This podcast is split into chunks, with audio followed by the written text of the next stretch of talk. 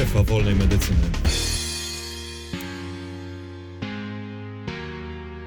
Kategoria medycyna współczesna. Ryzyko pracy dyżurowej. Największym kapitałem, jakim dysponuje człowiek, jest jego czas. Każdy ma bowiem jego ograniczoną ilość. O ile własny majątek można budować i pomnażać, skutkiem czego jest większe bezpieczeństwo finansowe, o tyle doba każdego człowieka trwa tyle samo, a ilość tych dóbr ograniczona jest długością życia. Nie można dokonać pomnażania czasu. Czas można tylko podzielić pomiędzy sprawy, którymi się zajmujemy zawodowe, rodzinne, relacje przyjacielskie, edukację, rozrywkę i pozostałe. W Polsce pracuje się zazwyczaj pomiędzy godziną 8 a 18. W tym czasie organizm jest najwydajniejszy, zwłaszcza w pierwszych godzinach po przebudzeniu. Po nocnej regeneracji komórki nerwowe mózgu są gotowe do zwiększonej aktywności, dlatego najlepiej się myśli przed południem. Mięśnie szkieletowe także mają w nocy czas na metabolizm niepożądanych związków chemicznych, dzięki czemu rano powinny mieć większą zdolność do podjęcia wysiłku fizycznego. Według badań kohortowych przeprowadzonych przez Sleep Research Society, optymalna długość snu dorosłego człowieka powinna wynosić 7-8 godzin. Ten czas jest potrzebny przykład cytokinom układu immunologicznego do zabezpieczenia przed chorobami zapalnymi, regulacji apetytu czy utrzymania pamięci i zdolności poznawczych. Długotrwałe skracanie okresów snu zwiększa ryzyko wielu chorób przewlekłych, w tym chorób sercowo-naczyniowych, najważniejszej przyczyny zgonu w krajach rozwiniętych, cukrzycy, otyłości albo obturacyjnego bezdachu sennego. Charakterystyka niektórych zawodów wymaga podejmowania nietypowych godzin pracy.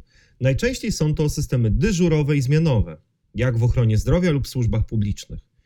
Co więcej, całodobowa dostępność coraz większej ilości usług i towarów jest obecną tendencją w społeczeństwach rozwiniętych.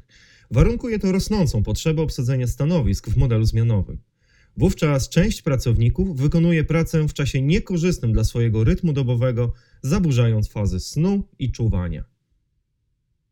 Łatwym do zaobserwowania zjawiskiem jest tzw. Tak jetlag, czyli zespół nagłej zmiany strefy czasowej. Polega on w dużej mierze na zakłóceniu wydzielania zależnych od rytmu dobowego hormonów, głównie melatoniny i kortyzolu.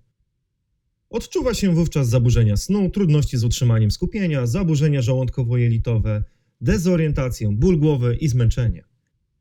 Największe nasilenie obserwuje się podczas podróży lotniczej w kierunku wschodnim, czyli wtedy, gdy odczuwana doba ulega skróceniu. Jest to zjawisko przejściowe, przemijające dzięki aklimatyzacji w miejscu docelowym. Podjęcie pracy zmianowej wiąże się z ciągłym narażeniem na podobne problemy.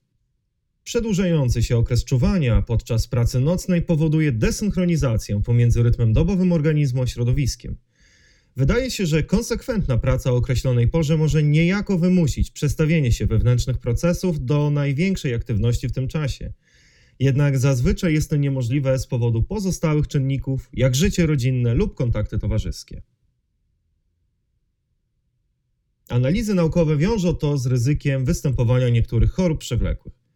Według pracy opublikowanej w 2011 roku przez profesora X.H. Wanga wraz ze współpracownikami z Uniwersytetu w Oksfordzie, praca zmianowa wpływa na występowanie nadciśnienia tętniczego i wysokiego poziomu cholesterolu we krwi, a zatem czynników występowania chorób sercowo-naczyniowych.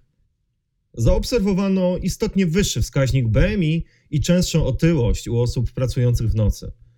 Ponadto takie osoby częściej palą tytoń i obserwuje się u nich większą zachorowalność na przewlekłą obturacyjną chorobę płuc oraz raka płuc.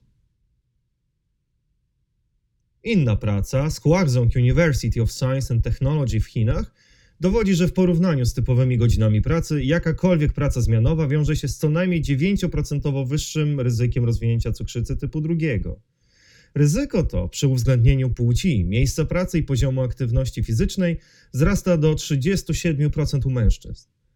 Według sugestii autorów może to być związane z zaburzeniami w wydzielaniu testosteronu. Wykazano, że jego niski poziom jest związany z insulinoopornością. Praca na nieregularnych zmianach to aż 42% ryzyko wystąpienia cukrzycy.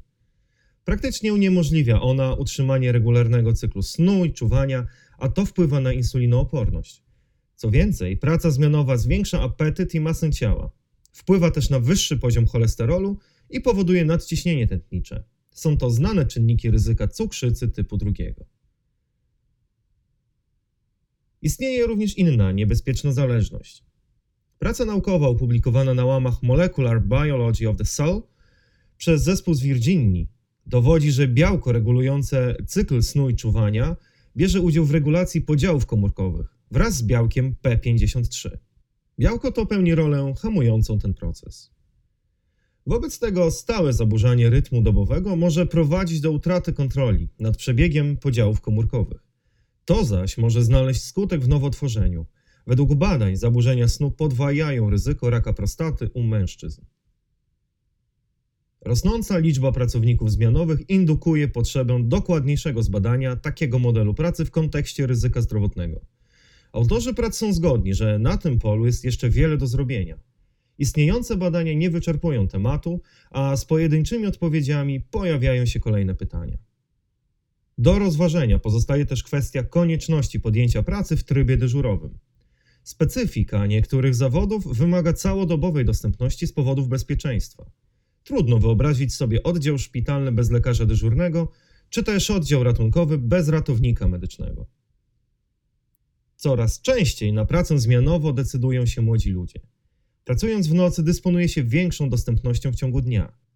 Pozwala to pracę połączyć ze studiami, wychowaniem dziecka czy innymi obowiązkami.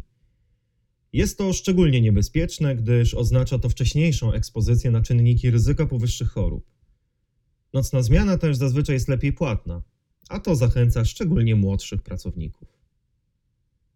Zainteresował Cię temat? Wejdź na stronę medykacja.pl, aby dowiedzieć się więcej lub posłuchaj pozostałych naszych podcastów.